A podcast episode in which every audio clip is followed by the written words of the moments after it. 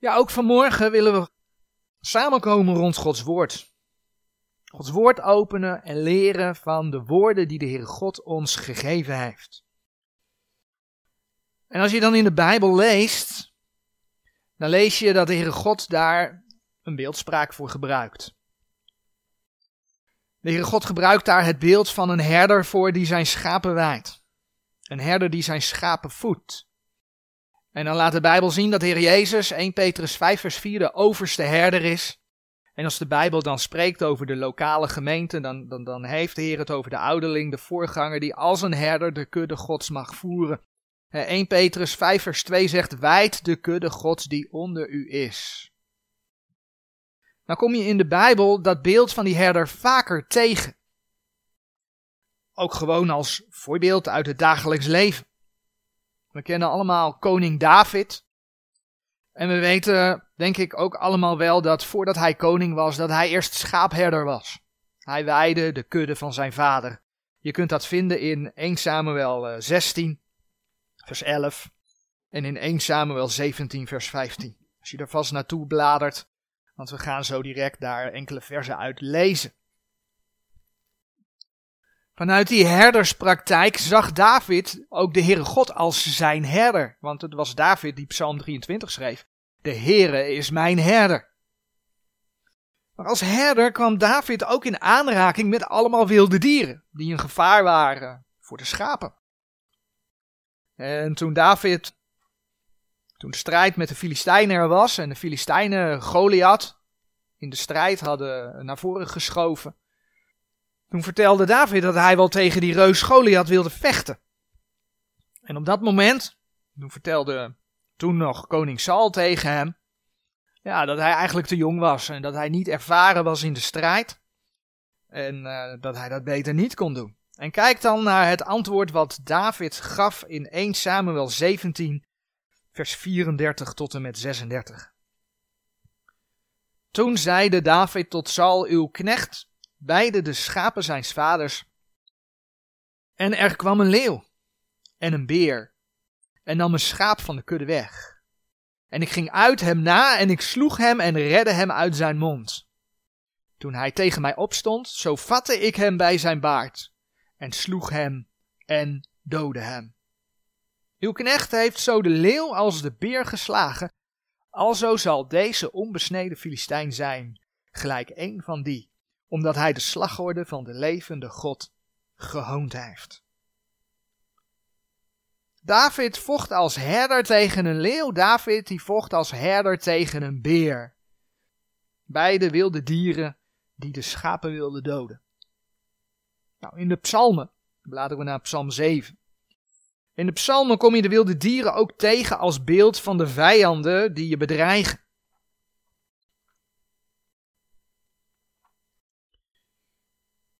Toen David de Heer om hulp vroeg tegen zijn vervolgers, toen zei hij in Psalm 7, vers 3 bijvoorbeeld: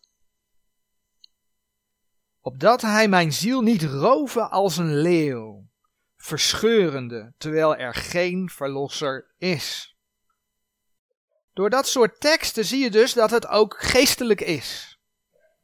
Het gaat over het verscheuren van de ziel door een leeuw. Er zijn geestelijke vijanden die je dood willen hebben. En vaak wordt daar door die vijanden dan een plan voor gebruikt. Er wordt een bedekking voor gebruikt, zodat je het niet direct doorhebt. Zo vinden we in Psalm 10, vers 9 over een leeuw het volgende geschreven. Psalm 10, vers 9.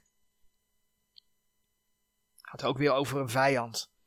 Hij legt lagen in een verborgen plaats gelijk een leeuw in zijn hol. Hij legt lagen om de ellendige te roven. Hij rooft de ellendige als hij hem trekt in zijn net.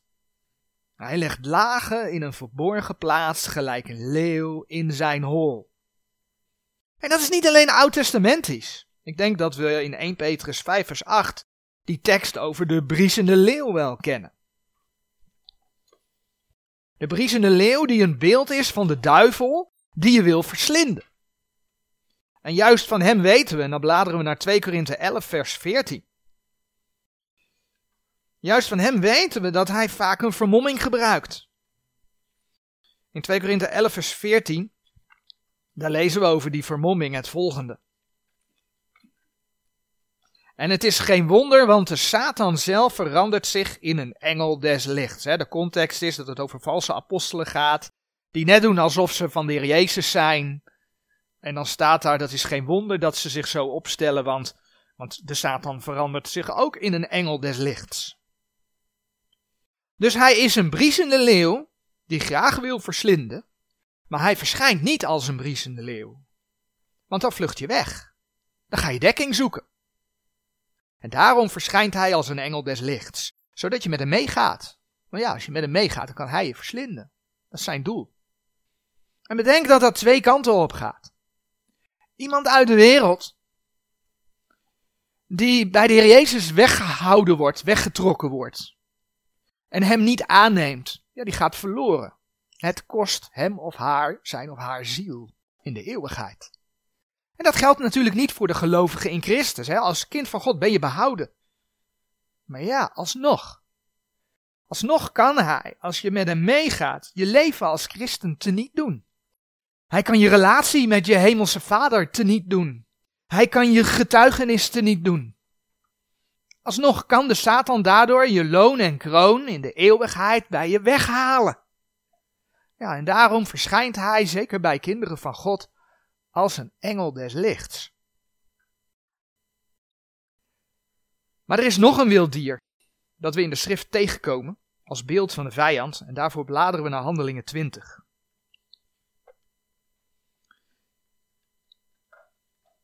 Een wild dier dat voorkomt als een beeld van de vijand in combinatie ook met een vermomming.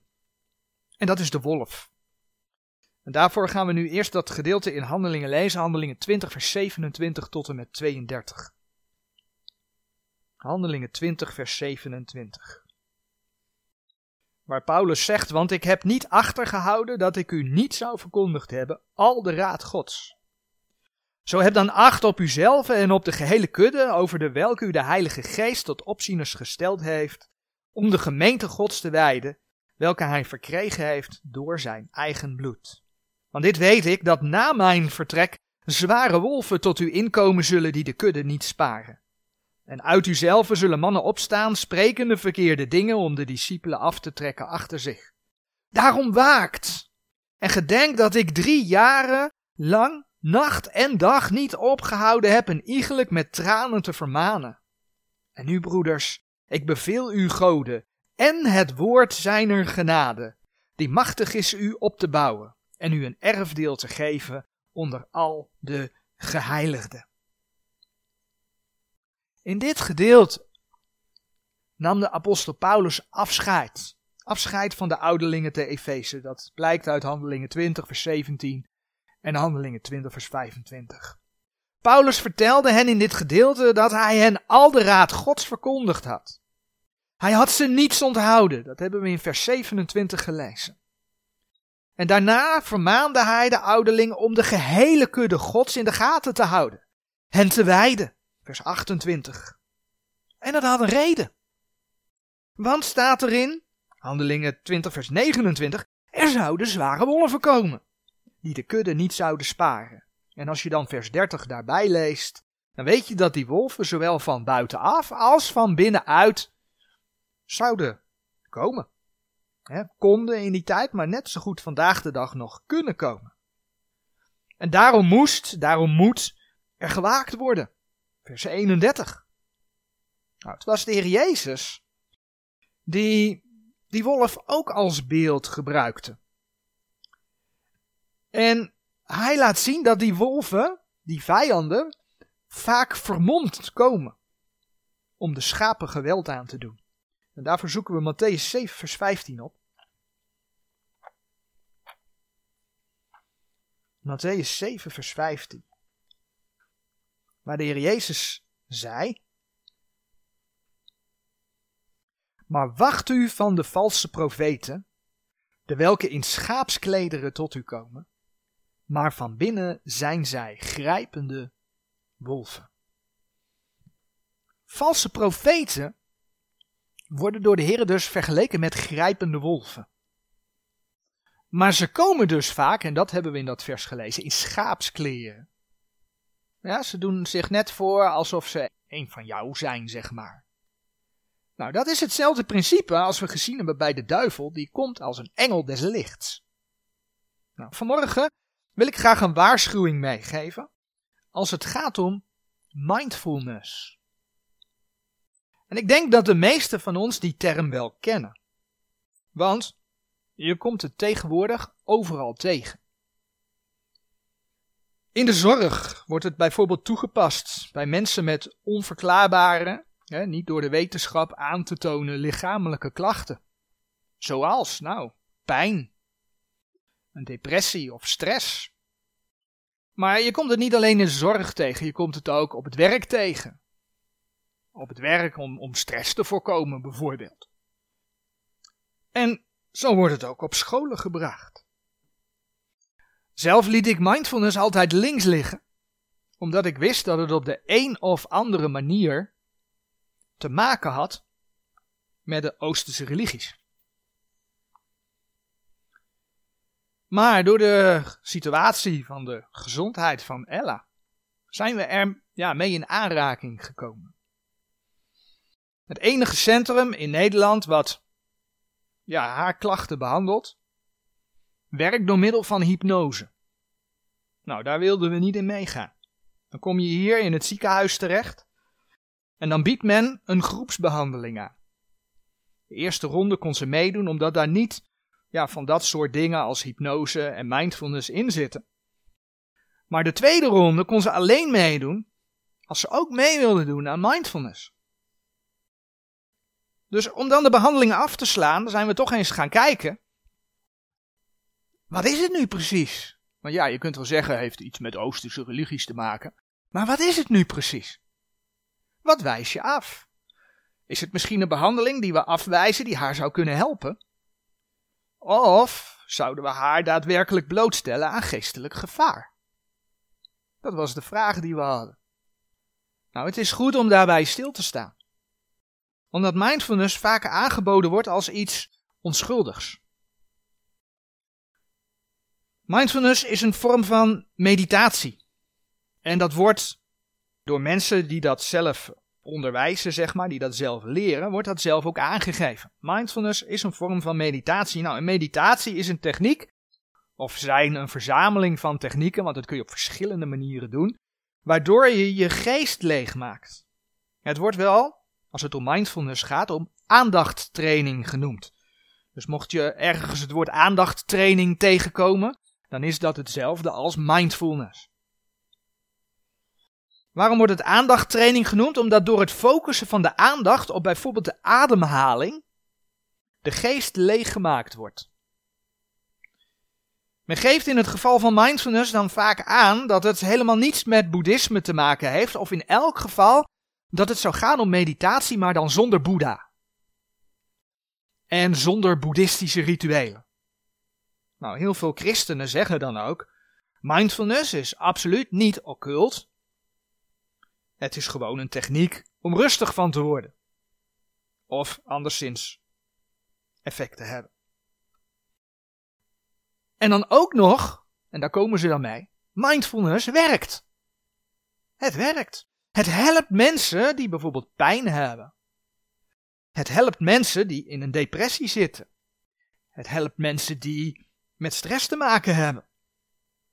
De wetenschap heeft het omarmd Waardoor men ook kan schermen met, ja maar het is wetenschappelijk bewezen.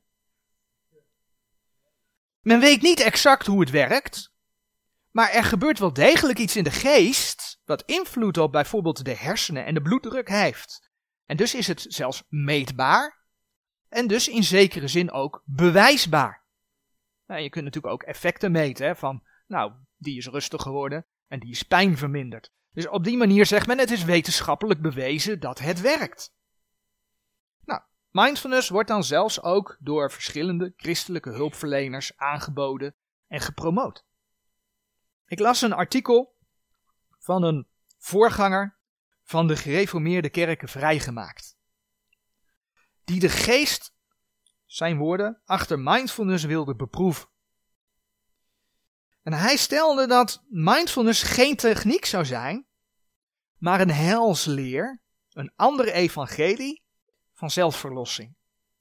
Dat zei de beste man. Maar daarna ging hij verder door te stellen dat de boeddhistische geest niet uit God is, maar dat dat niet wil zeggen dat boeddhisten niet iets van God herkend zouden kunnen hebben in Gods geschapen werkelijkheid.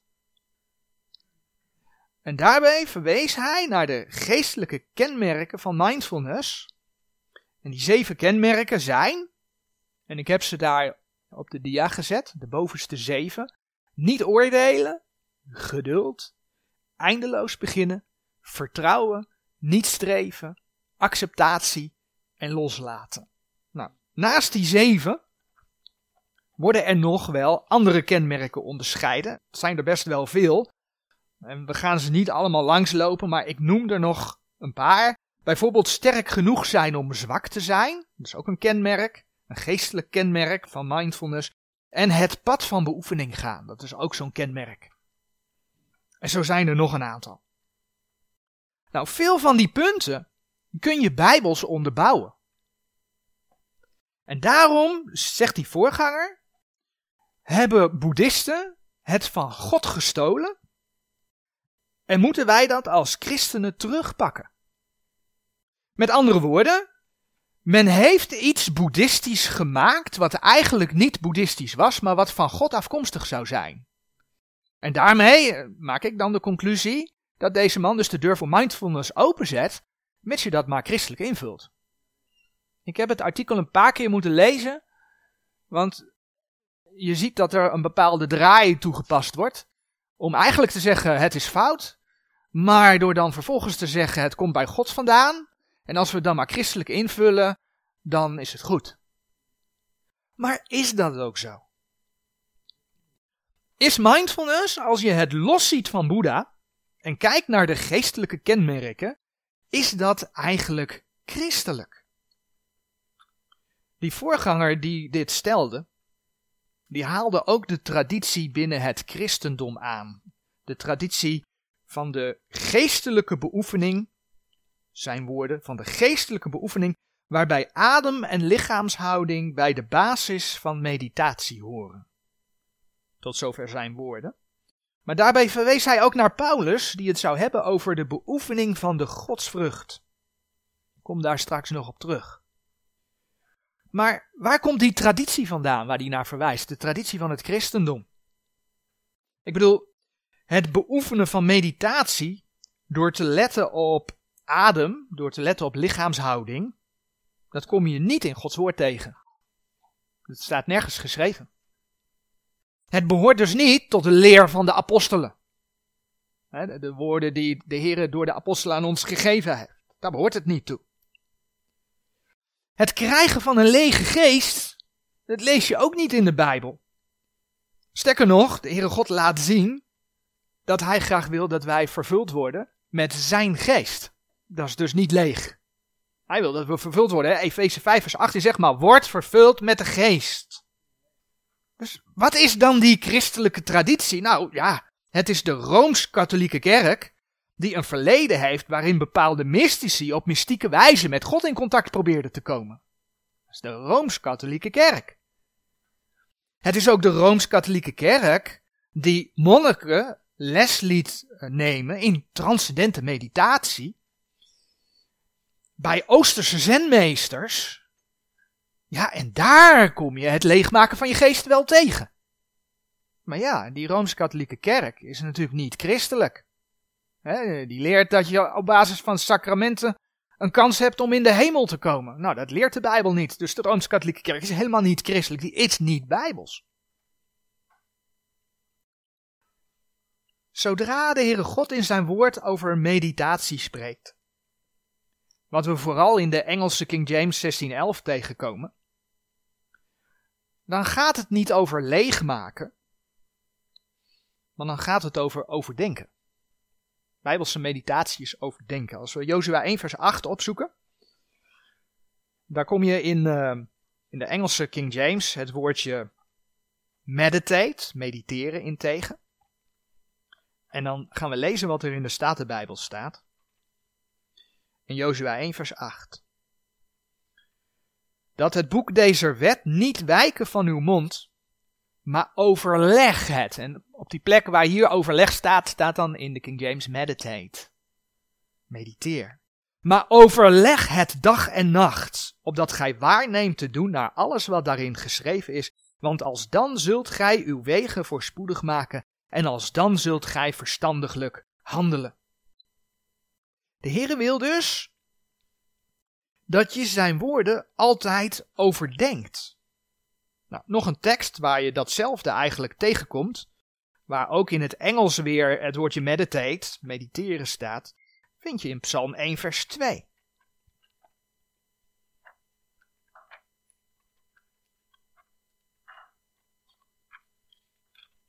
Psalm 1 vers 2. Maar zijn lust is in des Heren wet en hij overdenkt zijn wet dag en nacht. Overdenken. Niet leegmaken die geest, maar Gods woorden overdenken. Nou, allemaal Oude Testament natuurlijk. Maar het is Gods waarheid, want we vinden het bevestigd, ook voor deze tijd, in het Nieuwe Testament. Colossense 3, vers 16 zegt: Het woord van Christus wonen rijkelijk in u. Nou, dat is heel wat anders dan leegmaken. En als zijn woorden rijkelijk in je wonen, dan kan de Heer je gemoed, dan kan de Heer je denken veranderen, waardoor je, Romeinen 12 vers 2, tekst hebben we wel vaak bij stilstaan, waardoor je de volmaakte wil van God gaat begrijpen. Als je je leeg gaat maken, we hebben wel stilgestaan bij geest, ziel en lichaam, en toen hebben we gezien dat het hart en de geest, ja, het is niet hetzelfde, maar het komt wel met elkaar overeen in die zin dat de geest is in het hart. De Heilige Geest is in het hart uitgestort. Dus als je de beslissingen die in je hart genomen wordt, als je dat wil leegmaken, dan moet je dus ook de Heilige Geest uitblussen. Anders word je niet leeg. Dus als gelovige, als je hiermee bezig gaat houden, dan moet je de Heilige Geest uitblussen. Nou, je hebt al door, als je hiermee bezig gaat houden, het gaat tegen de schrift in, dan ga je al de Heilige Geest uitblussen. En de Heer zegt juist, 1 Thessalonicense 5 vers 19, doe dat niet. Blust de geest niet uit. Maar als je dat wel doet, weet je, dan zul je de Heere God nooit begrijpen. Je zult hem nooit begrijpen. Bijbels mediteren, het overdenken van Gods woord, onder leiding van de Heilige Geest, is dus heel wat anders als oosters mediteren. En de traditie van het christendom, waar dan zo mooi mee geschermd wordt, dat is dus geen garantie dat het ook daadwerkelijk christelijk is. Het is geen garantie dat het ook daadwerkelijk bijbels of van de Here is. Eerder het tegendeel, want ja, die traditie, die christendom, de traditie van het christendom, dat komt weg bij de Rooms-Katholieke Kerk grote hoer van openbaring 17. Eh, maar hoe zit het dan met die oefening waar Paulus het over heeft?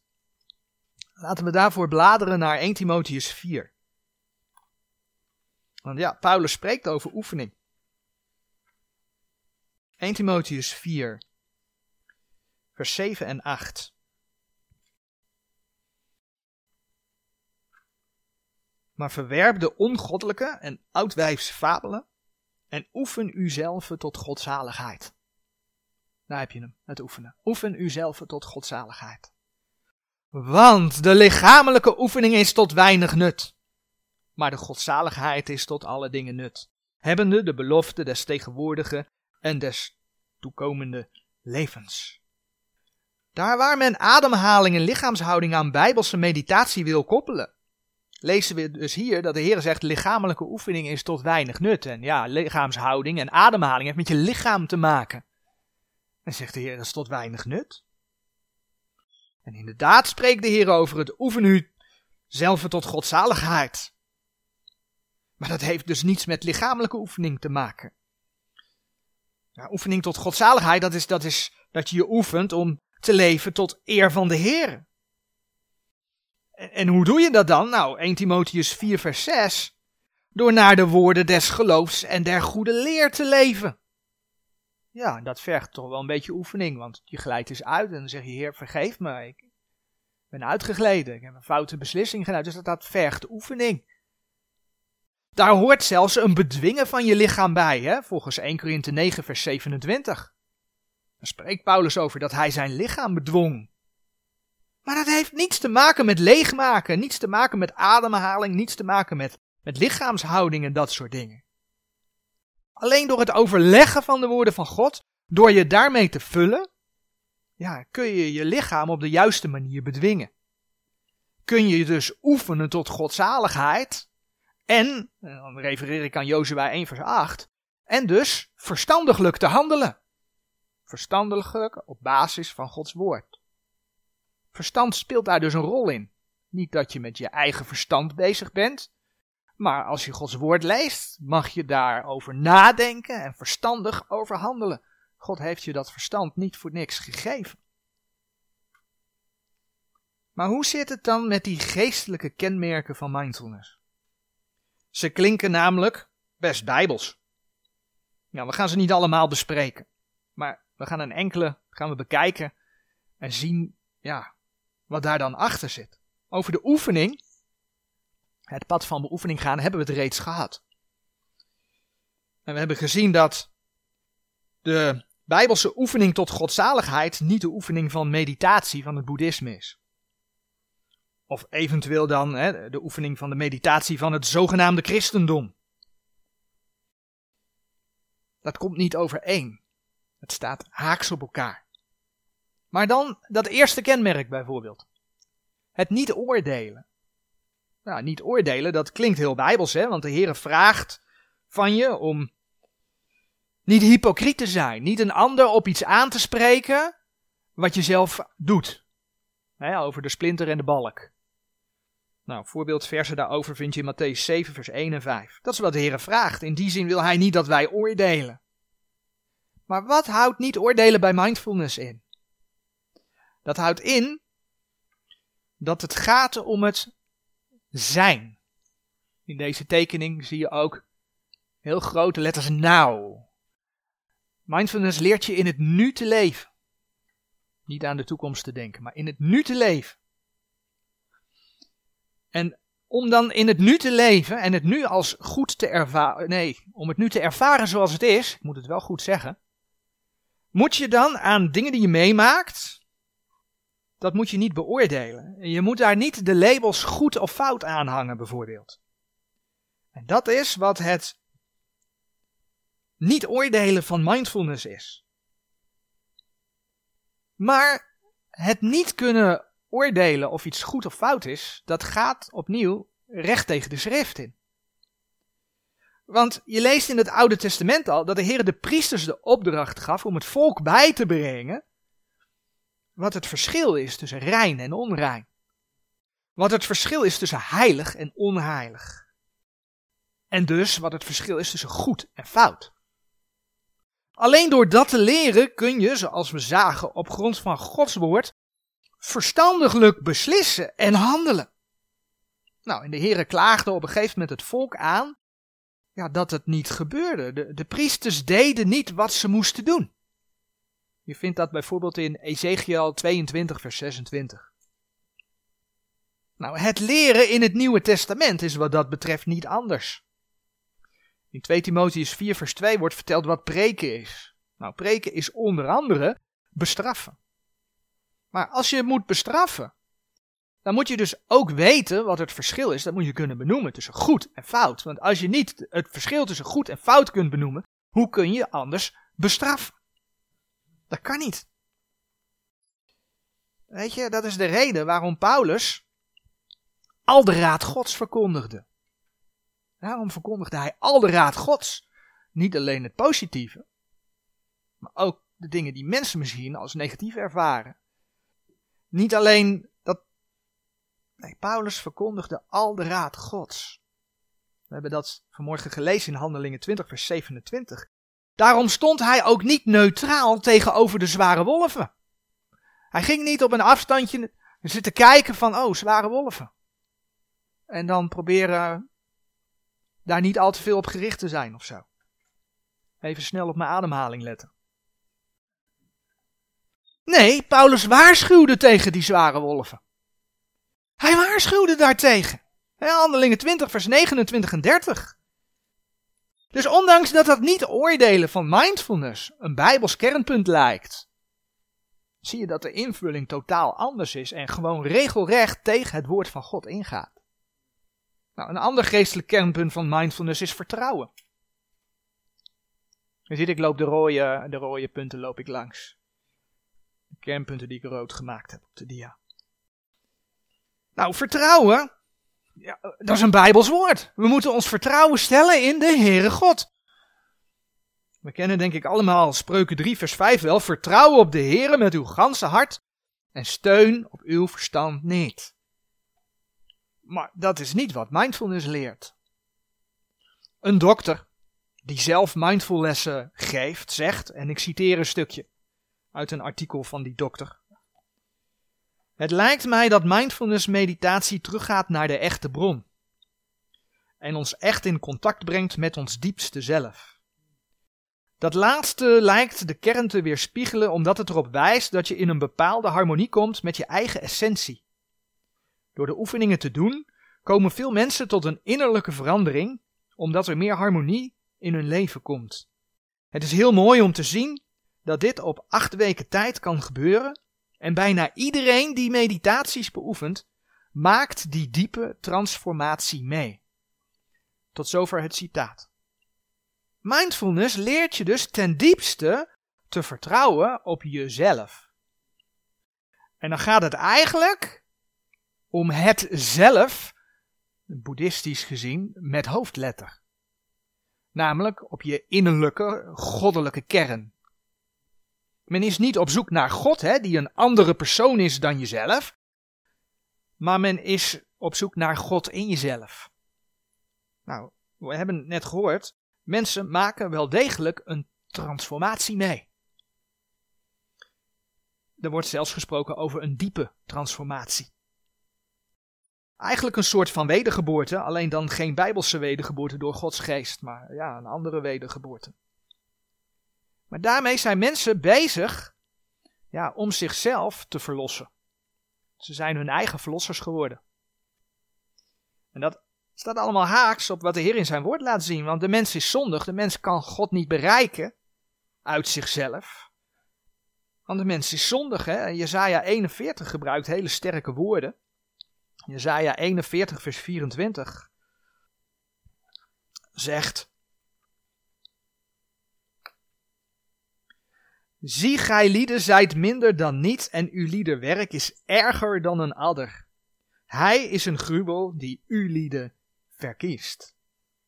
Als je de mens centraal stelt, nou, daar staat nogal wat over geschreven. Hè? Hij is een gruwel die uw lieden verkiest. Weet je, de mens heeft een persoonlijke verlosser nodig. Die voor zijn of haar zonde gestorven is. En dat zit niet in jezelf. Ja, door zijn geest kan hij inwoning bij je maken. Maar dat gebeurt pas na de wedergeboorte. Die persoonlijke verlosser is de Heer Jezus Christus. Dan heb je nog de kenmerken van acceptatie en loslaten. Ik neem ze samen. Ook dat klinkt bijbels, hè? Als je leidzaam bent, dan accepteer je de dingen die de Heer op je pad laat komen en je vertrouwt Hem in alles.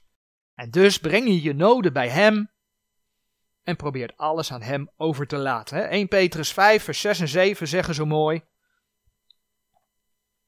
1 Petrus 5, vers 6 en 7. Vernedert u dan onder de krachtige hand Gods, opdat hij u verhogen te zijner tijd. Werpt al uw bekommernissen op hem, want hij zorgt voor u. Maar opnieuw is dat niet wat mindfulness leert. Door middel van meditatie ontledig je je geest. En daardoor zou het lijden ophouden.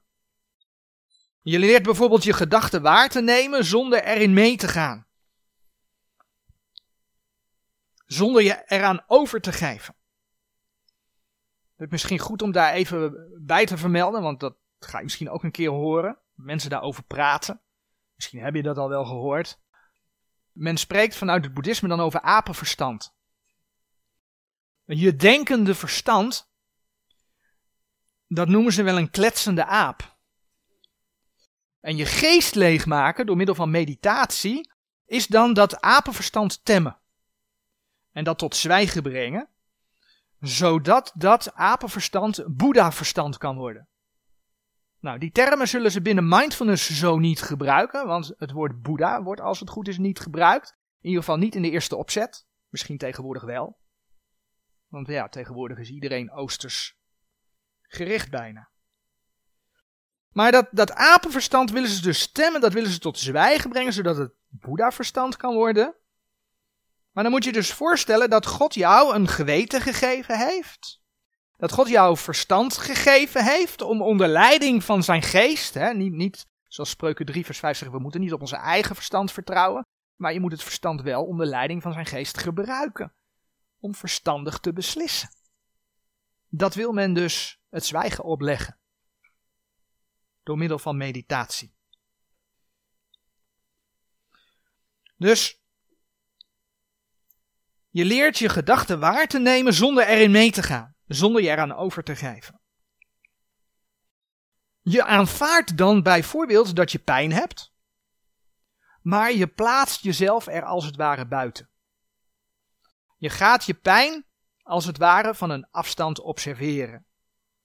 En daardoor wordt de geest rustig. Nou, dat heeft allemaal niets te maken met je vertrouwen stellen op de Heere God. En het overgeven aan Hem. Zodat Hij jou kracht kan geven om het te dragen.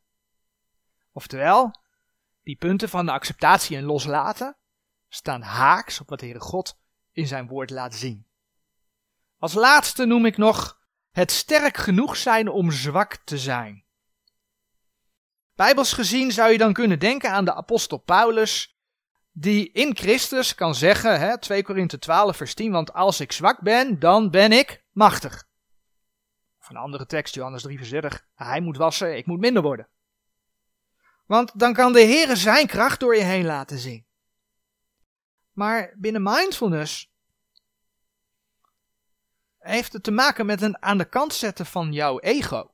Aan, de kant zetten van jouw imago. Het aan de kant zetten van jouw ja, sterke wil. Het aan de kant zetten van jouw talenten. Waardoor jouw echte zelf, die zelf met hoofdletter, tot zijn recht kan komen. Dus opnieuw gaat dit punt niet dat God zijn krachten in jou kan geven, want dan ben je weer aan het vervullen. Maar het gaat om het jezelf leegmaken. Om je echte ik te kunnen vinden. Zo kun je nog meer van die kenmerken uitzoeken om erachter te komen dat mindfulness absoluut niets te maken heeft met wat de Heere God zegt in zijn woord. En niets te maken heeft met wie de Heere God is. Meditatie werkt. Niet omdat er een God in je aanwezig is, maar omdat, zoals de Bijbel laat zien, er een geestelijke wereld aanwezig is van geestelijke boosheden in de lucht, die invloed proberen te krijgen op je.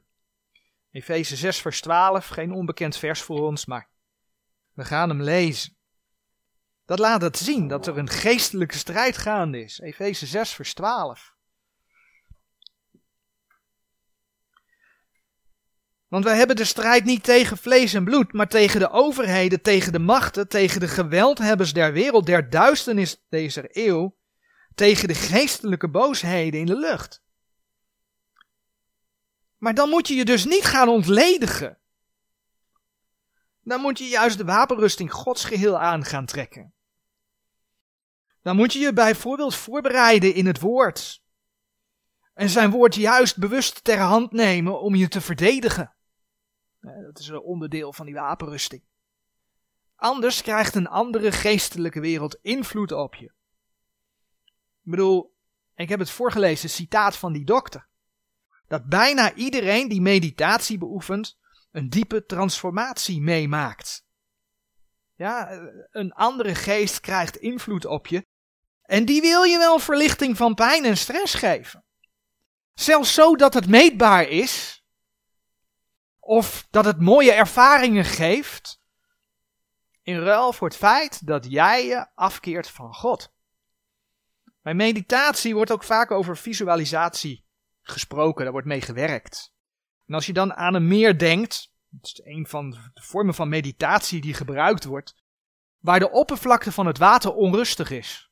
Soms heel heftig, hè, door een storm. Dan word je gevraagd binnen meditatie om jezelf te identificeren met de stilte van de diepte van het meer. Nou, als je dan bedenkt dat men ook over je diepe zelf heeft. De stilte van de diepte van het meer. Je diepe zelf. Nadat je jezelf ontledigd hebt. Betekent het eigenlijk dat je te maken hebt met een andere geest die bezit van je heeft genomen. Denk aan die transformatie die plaats heeft gevonden. De geest van de diepte. En bij diepte moest ik denken aan de teksten in Gods woord die over de afgrond spreken. Het is de Leviathan, die een type is van de duivel, die de afgrond doet oplichten. Job 41, vers 23. In openbaring lees je over de sprinkhanen die op de uit de afgrond zullen opkomen en die hebben een koning over zich. Apollyon, Abaddon, dat betekent verderver. Dus de koning van de afgrond, openbaring 9, vers 11, is de verderver. Het mag duidelijk zijn door welke geest je geleid gaat worden op het moment dat je door middel van meditatie jezelf denkt te verlossen.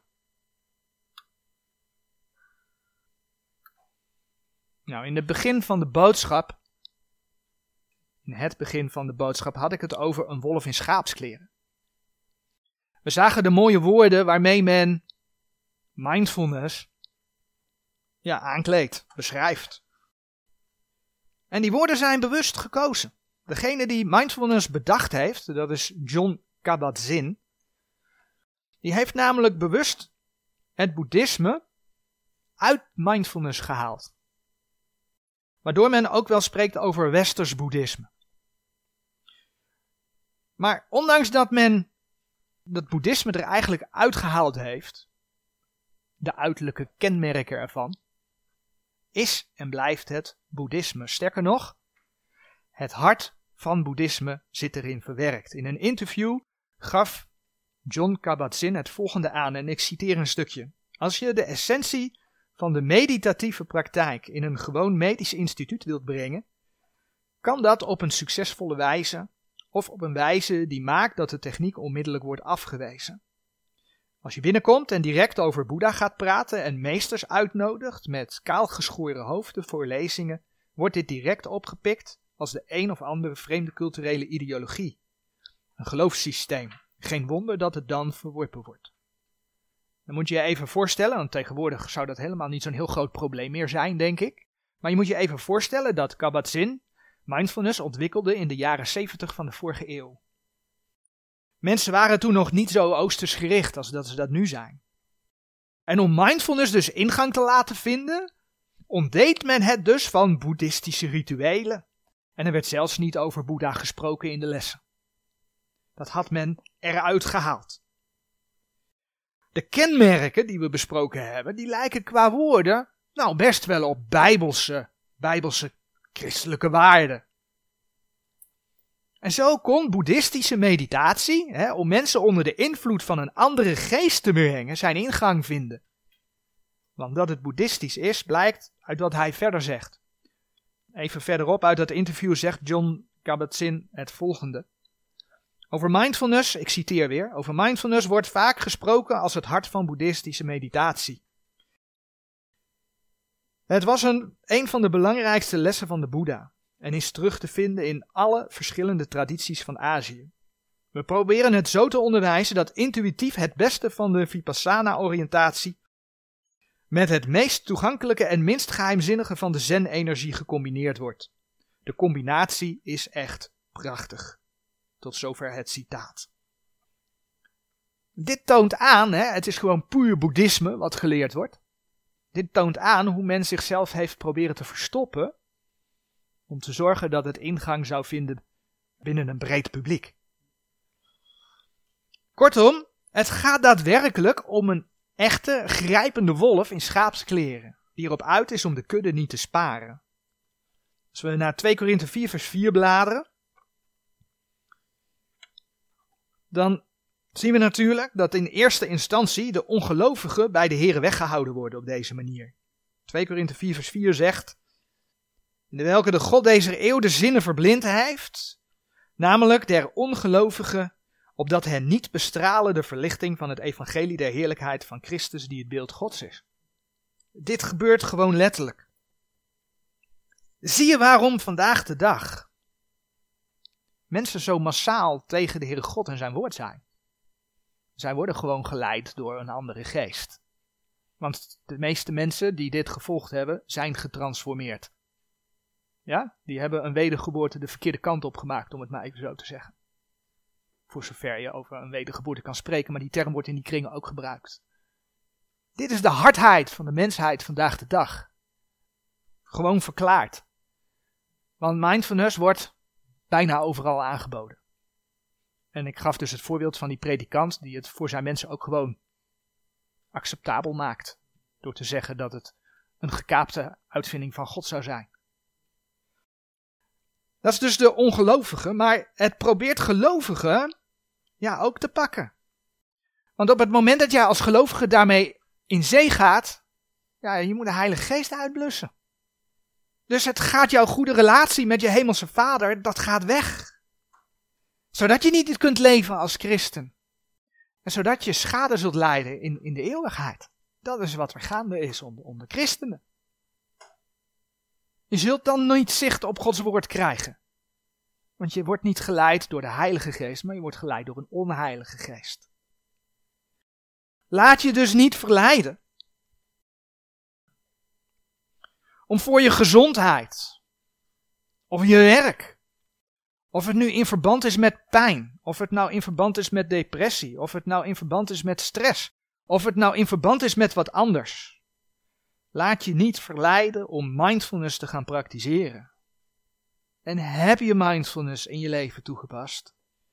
En zie je in dat het niet goed is geweest.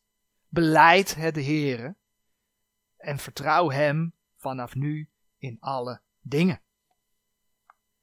De enige manier om je tegen de verleiding te wapenen, is door je niet leeg te laten maken. We bladeren terug naar Handelingen 20.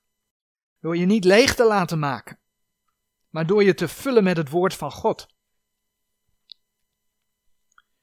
En dat is eigenlijk wat we vanmorgen in Handelingen 20 ook gelezen hebben. Want nadat Paulus waarschuwde tegen die zware wolf, zei hij in vers 32: En nu, broeders, ik beveel u goden en het woord zijner genade. Die machtig is u op te bouwen en u een erfdeel te geven onder al de geheiligen. Alleen door Gods woord in je op te nemen en te overleggen, weet je wat goed is en wat fout is. En kun je daadwerkelijk verstandiglijk handelen. Niet uit eigen verstand, maar door de Here geleid. Weet je, alleen daardoor weet je dat er vijanden zijn. Alleen daardoor kun je de vijand identificeren. Alleen daardoor weet je dat je de wapenrusting geheel aan moet doen. Om staande te blijven, Efeze 6 vers 11, tegen de listige omleidingen van de duivel. En ja, dan leef je weliswaar fysiek gezien in het nu. Dat is een feit, hè? Fysiek leven we in het nu. Maar mag je gericht zijn, niet op het nu, maar op de toekomst. Laatste vers wat we opzoeken is Filippenzen 3, vers 14.